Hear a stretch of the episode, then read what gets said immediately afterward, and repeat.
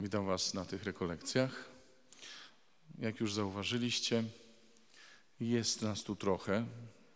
Zwykle rekolekcje prowadzi jeden ksiądz, a misje parafialne najwyżej dwóch. A tu jest cała ekipa, wspólnota, mały kościół, bo kościół jest wspólnotą. I to, że my tutaj jesteśmy razem, to nie tylko dlatego, że każdy z nas chciał przyjść na mszę, ale dlatego, że jesteśmy członkami jednego organizmu, jednego ciała. I sami się przekonacie w czasie tych rekolekcji, jak to jest nam potrzebne, żeby sobie z tego zdać sprawę. Ale zanim do tego dojdziemy, musimy się zmierzyć e, z tym słowem, które tu dzisiaj słyszeliśmy. Zwłaszcza z tym pierwszym czytaniem, które jest takie no, brzmiące dość twardo, nie? Twardo brzmią te słowa, kiedy Bóg zarzuca swojemu ludowi powierzchowność e, wszystkich obrzędów pokutnych, wszystkich wyrzeczeń. On mówi: Nie o to was proszę, nie tego chcę. Zresztą Bóg też mówi o tym, że jego naród ma roszczeniową postawę, domagają się różnych rzeczy. I my też czasami tak mamy. Nie wiem, czy wy, ja się z tym spotkałem dość, spotykałem dość często, z pretensjami do Pana Boga, że tak długo się modliłem o coś i nie dostałem. Tak długo prosiłem, na tylu mszach byłem i nie dostałem. Sam przeżyłem taką sytuację mm, pewnego razu. Dowiedzieliśmy się, że młoda dziewczyna, szesnastoletnia, gdzieś w Kaliszu, mm, to była osoba jakoś tam znajoma w stosunku do naszej wspólnoty, gdzieś tam czyjeś dziecko czy czyjaś y, krewna, miała wypadek i jest ciężko ranna w szpitalu. Pamiętam, że tego dnia mieliśmy akurat nocne czuwanie, bo to był, nie wiem, Wielki Post czy Adwent, już nie pamiętam. I wyobraźcie sobie, myśmy przez całą godzinę tego czuwania, bo byliśmy podzieleni na pary, e, z jednym bratem się modliliśmy i przez całą godzinę wołaliśmy do Pana, żeby uzdrowił tę dziewczynę. Potem się dowiedzieliśmy, że zmarła. No i można się zapytać, no dlaczego tak? I Bóg nas wychowuje do tego, żebyśmy rozumieli, dlaczego czasem wydaje się, jakbyśmy nie byli wysłuchani, a czasem wydaje się jednak, że jesteśmy wysłuchani. Bo Bóg patrzy dalej, patrzy głębiej. Nie patrzy tylko na nasze modlitwy, ale patrzy też w nasze serca. I tak naprawdę tymi, którzy najpierw korzystają z modlitwy za innych, są ci, którzy się modlą. Ale od początku. Jakiego postu chce Bóg? Dlaczego buntuje się przeciwko powierzchownym obrzędom? Że na przykład przychodzimy do kościoła, ale y, robimy krzywdę naszym bliskim, jesteśmy niewyrozumiali dla współmałżonka, y, jesteśmy okrutni dla zwierząt może. Zdarza się. Dlaczego tacy jesteśmy? Że w kościele mamy ręce złożone w ten sposób, a wychodząc z kościoła zaciskamy je w pięści. Po co komu taka religijność, pyta się Bóg dzisiaj. Zobaczcie, dla nas jest to, dla wielu z nas jest to religijność, jaką znamy. To znaczy przychodzenie do kościoła, mówienie pacierza, y, no to to jest ta nasza religijność i to nie jest nic złego przecież, nie? Pod warunkiem, że to nie jest cała nasza religijność, że to nie jest cała wiara, jaką mamy. Bóg jest Bogiem serc, nie obrzędów. Bóg zagląda do naszego serca. Nie patrzy tylko na to, ile ja się modlę y, i jak bardzo pobożnie wyglądam. Nie takiego postu, nie takich modlitw Bóg pragnie. Mówi, czyż nie jest raczej tym postem, który ja pragnę, to, aby rozerwać kajdany zła, rozwiązać więzy niewoli, wypuścić na wolność uciśnionych i wszelkie jarzmo połamać, dzielić swój chleb z głodnym, do domu wpuścić biednych, tułaczy, nagiego, którego ujrzysz, przyodziać i nie odwrócić się od współziomków. Wtedy Twoje światło wzejdzie jak zorza i szybko rozkwitnie Twe zdrowie. No właśnie, to nasze serce, to co z nim robimy, decyduje o tym, jak będziemy blisko Boga, bo Bóg jest zawsze blisko nas. I popatrzcie, kiedy mówi, o jaki post mu chodzi, to wylicza różne gesty dobroci, gesty otwartości, gesty hojności. Takie rzeczy, których Bóg nam udziela obficie. Zobaczcie, cały świat stworzony przez Niego jest stworzony dla nas. Dzisiaj on nie wygląda tak jak na początku, bo jest cała historia za nim. Historia napiętnowana pewnym wydarzeniem z początków tej historii. Ale na właśnie u zarania świata on był niewinny, piękny, stworzony przez Boga dla człowieka. Proszę bardzo, mieszkaj tu, mówił Bóg do pierwszych ludzi. Mieszkajcie tu, to wszystko dla was. Bóg jest hojny, Bóg jest dobry. Święty Jan mówi w swoim pierwszym liście: Bóg jest miłością. I słuchajcie, to, że Bóg jest miłością, nie jest pierwszą rzeczą, o której my się dowiadujemy. Nie? Kiedy nas uczą religii, albo kiedy mama czy tata mówią nam o Panu Bogu, najczęściej mówią o tym, co trzeba robić. I to jest w porządku też, bo Bóg jednak nas wychowuje do pewnego sposobu życia, do jakichś tam postaw określonych, nie? Jasne.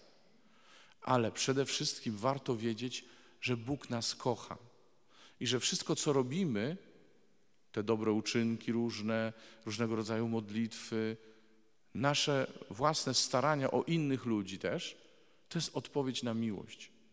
Bo my sami w sobie miłości nie mamy. Nasza miłość nie wystarcza, ludzka. Potrzebujemy Bożej miłości, żeby ona nas napędzała do dobra. Bo ta miłość odkrywa dobro, które Bóg w nas stworzył. Przecież Bóg nas nie stworzył złymi. Bóg nas stworzył dobrymi. I Jego miłość zapala nas do dobra. Jego miłość zaspokaja nasze najgłębsze pragnienie, żeby być kochanym, żeby widzieć sens w tym, co robimy. Do tego miłość Boża jest niezbędna. Przy dobrych wiatrach na katechezie uczymy się kochać Boga. Ale na tych rekolekcjach chcemy Wam powiedzieć, pozwólcie się Bogu kochać. My tutaj, tak jak przyjechaliśmy, nie jesteśmy ani profesorami teologii, ani nauczycielami wiary, ani kimś, kto może powiedzieć: Posłuchajcie, my wam teraz powiemy. Nie, my się chcemy po prostu z wami podzielić właśnie tym doświadczeniem, że Bóg nas, a w związku z tym każdego z was również, kocha i co z tego wynikło w naszym życiu. Dlatego tu jesteśmy. Dlatego ja jestem księdzem. Paweł, który gra na gitarze basowej, też jest księdzem.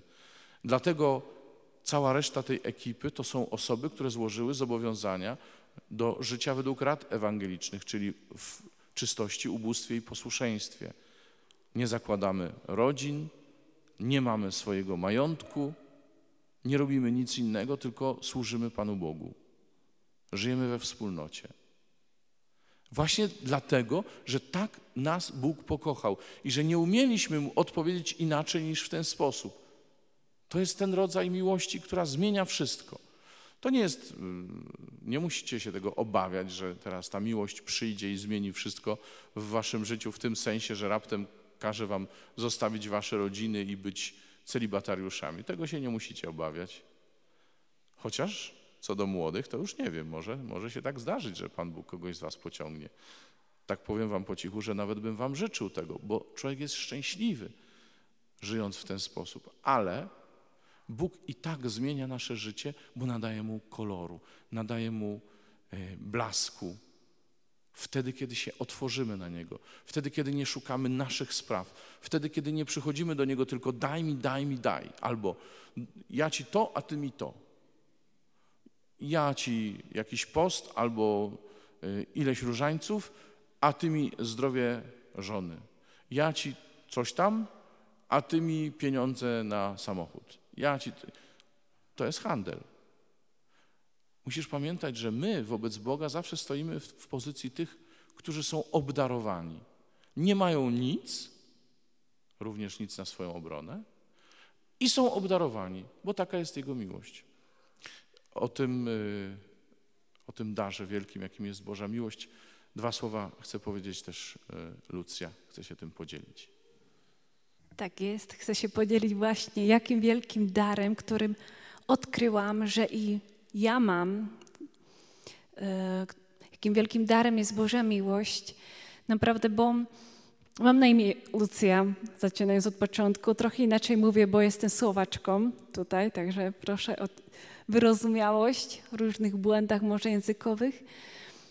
Właśnie jak tutaj ksiądz Robert wcześniej powiedział, i mnie rodzice prowadzili ku wierze, zaufaniu Bogu, ale to było przede wszystkim wypełnianie nakazów. I ja wierzyłam, ale brakowało mi czegoś tej relacji z Bogiem. I Bóg mi się wydawał, że jest gdzieś, gdzieś daleko.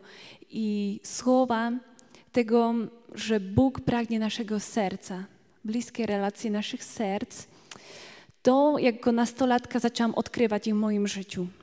Poprzez różne pytania, zastanowienia i poprzez to, jak i Robert wcześniej powiedział, że prosiłam Boga, by zmienić sytuację w mojej rodzinie i to się nie działo, bo w mojej rodzinie był problem alkoholu.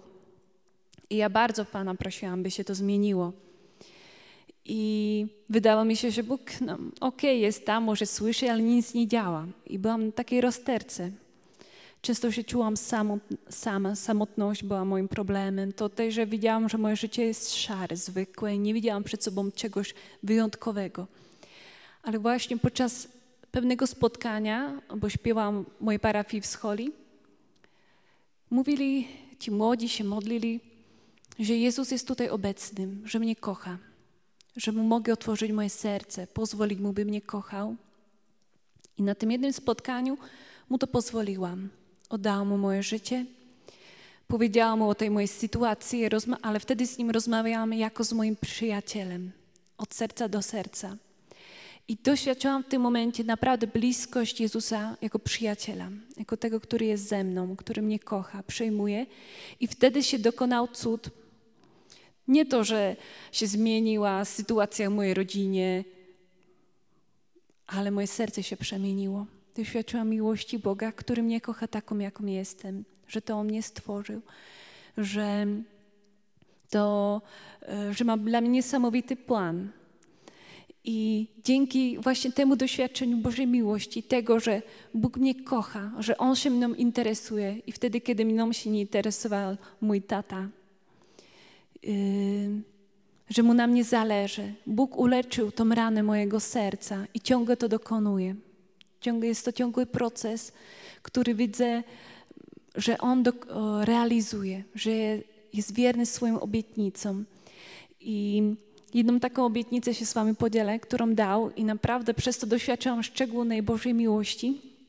Jest księgi proroka Jeremiasza z 29 rozdziału, 11 wersetu.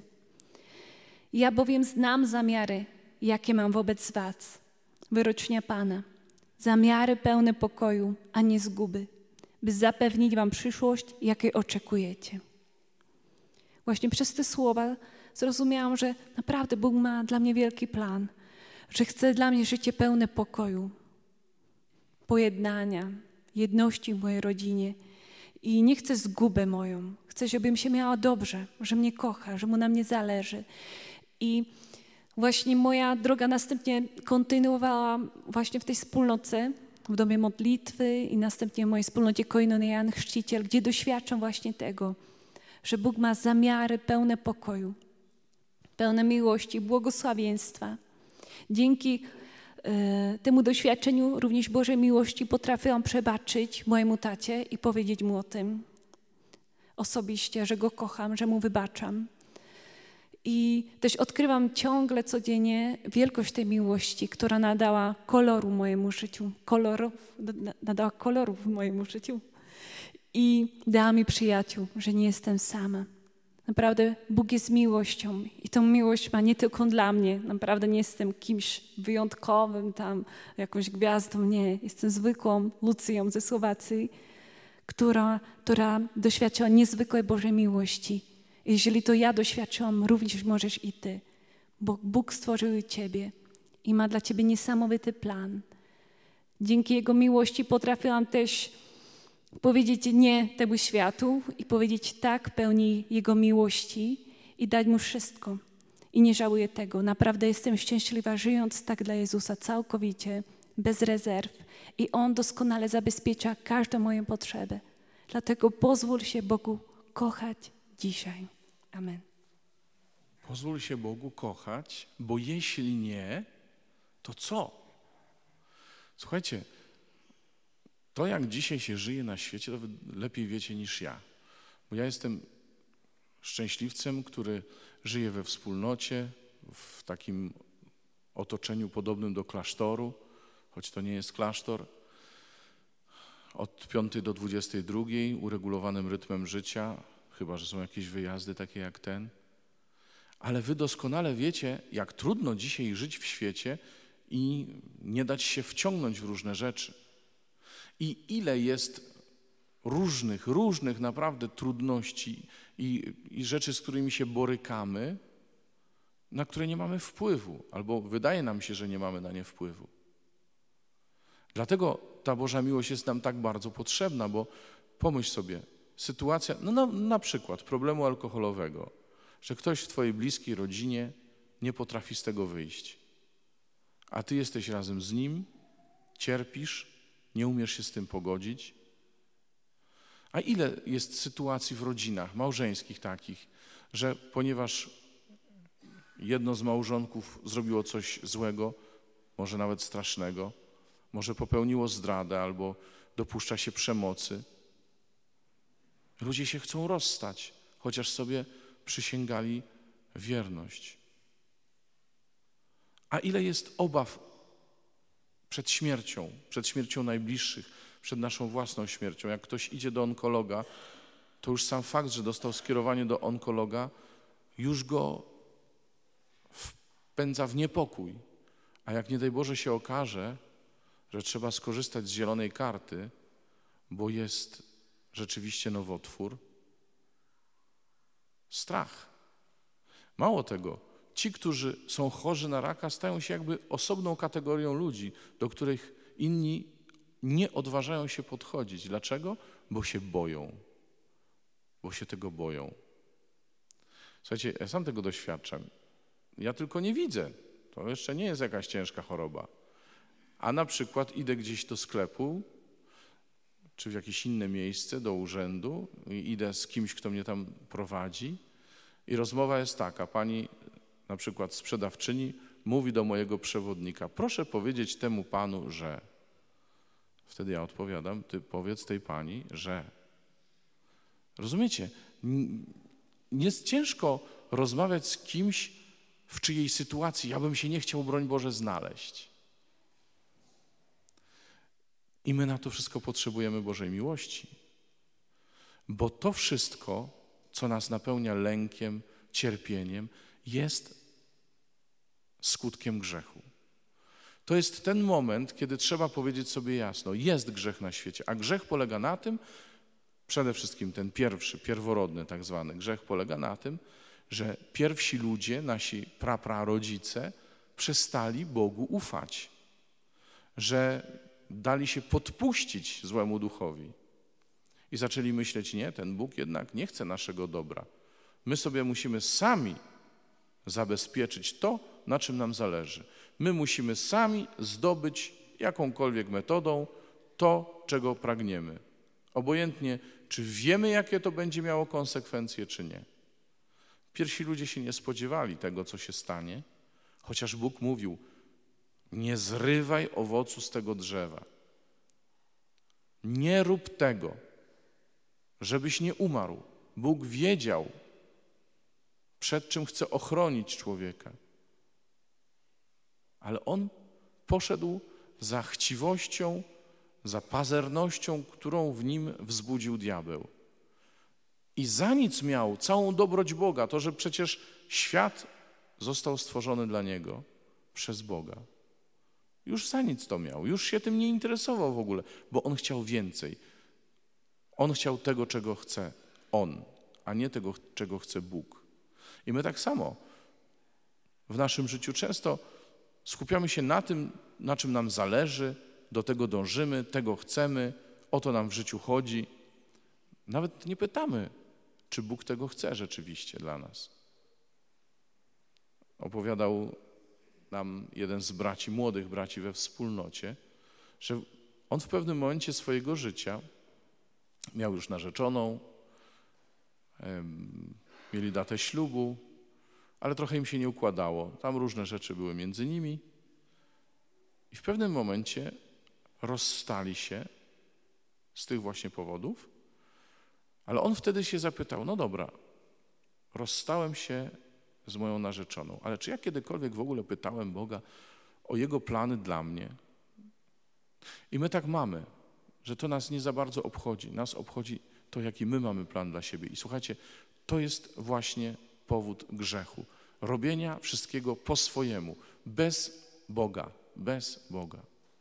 I to nas od Niego oddziela, to sprawia, że zaczynamy się Go bać, bo skoro Go podejrzewaliśmy, że nie chciał nam dać wszystkiego, musieliśmy to sobie sami zdobyć, to teraz nam na pewno zabierze to, co zdobyliśmy sami. Bóg nam zawsze coś zabiera.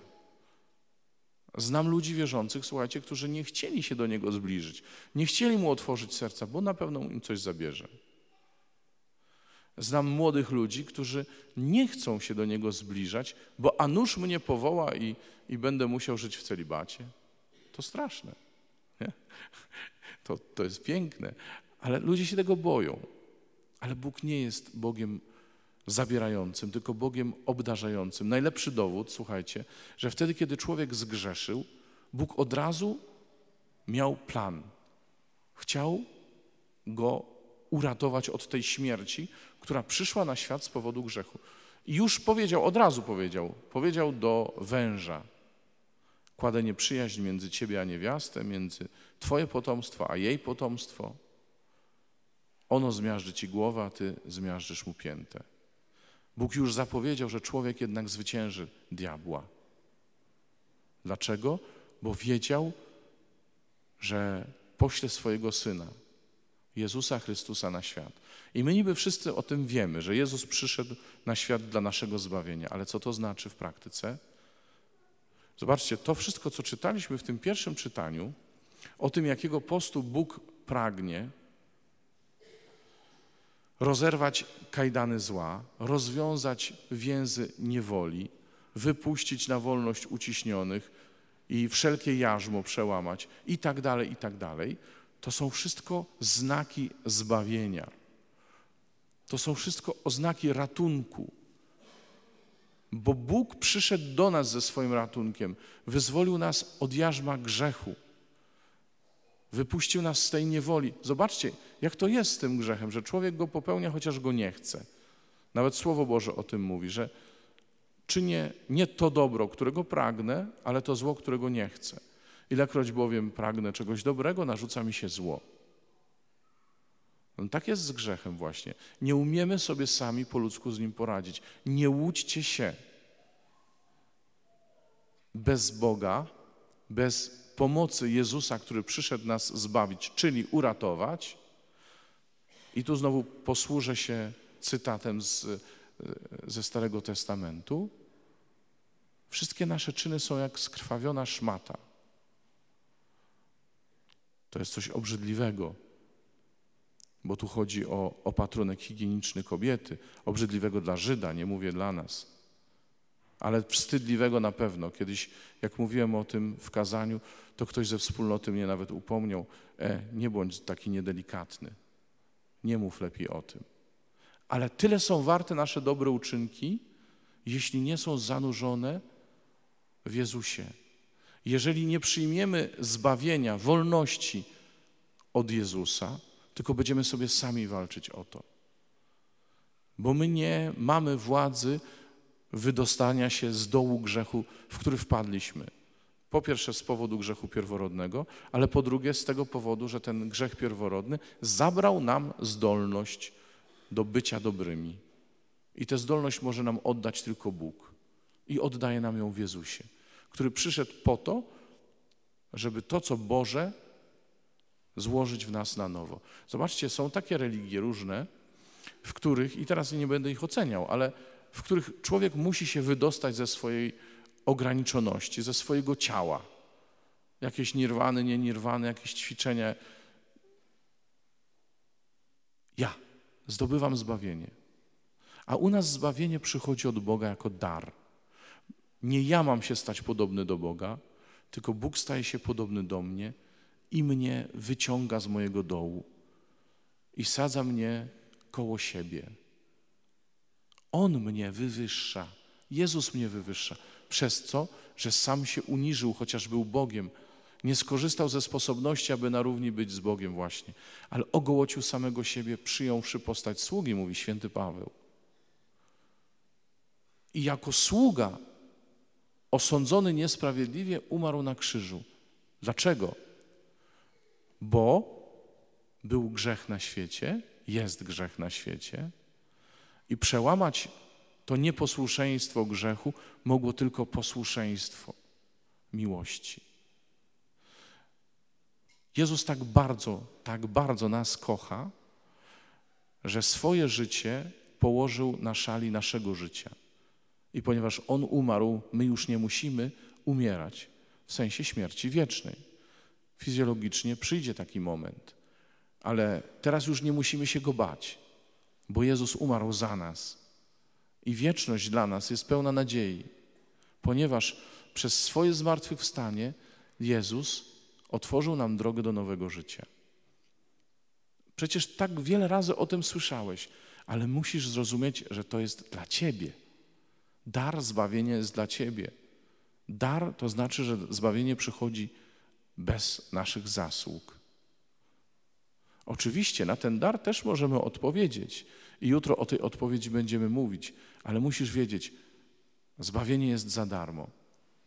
I czasem, kiedy mówię o zbawieniu, przypomina mi się taka historia, bajka, legenda, nie wiem co, kiedy mówi się o tym, że pewien król co roku odwiedzał więzienie. Pytał więźniów, jak im się żyje, był z nimi. I większość z tych więźniów oczywiście mówiła, że siedzą za niewinność. I był taki jeden, który przyznał się do tego, co zrobił, a zamordował człowieka. I król zawsze uwalniał kogoś jako dar. I wtedy, kiedy przyszedł tamtego razu do więzienia, także uwolnił kogoś. Wiecie, kogo uwolnił? Tego, któremu się przyznał do tego, co zrobił. Nie udawajmy nigdy, że jesteśmy w porządku, skoro jesteśmy grzesznikami. Oczywiście, jeden popełnił grzech taki, drugi taki, ale jesteśmy w tej samej kondycji, słuchajcie. Jedziemy na tym samym wózku.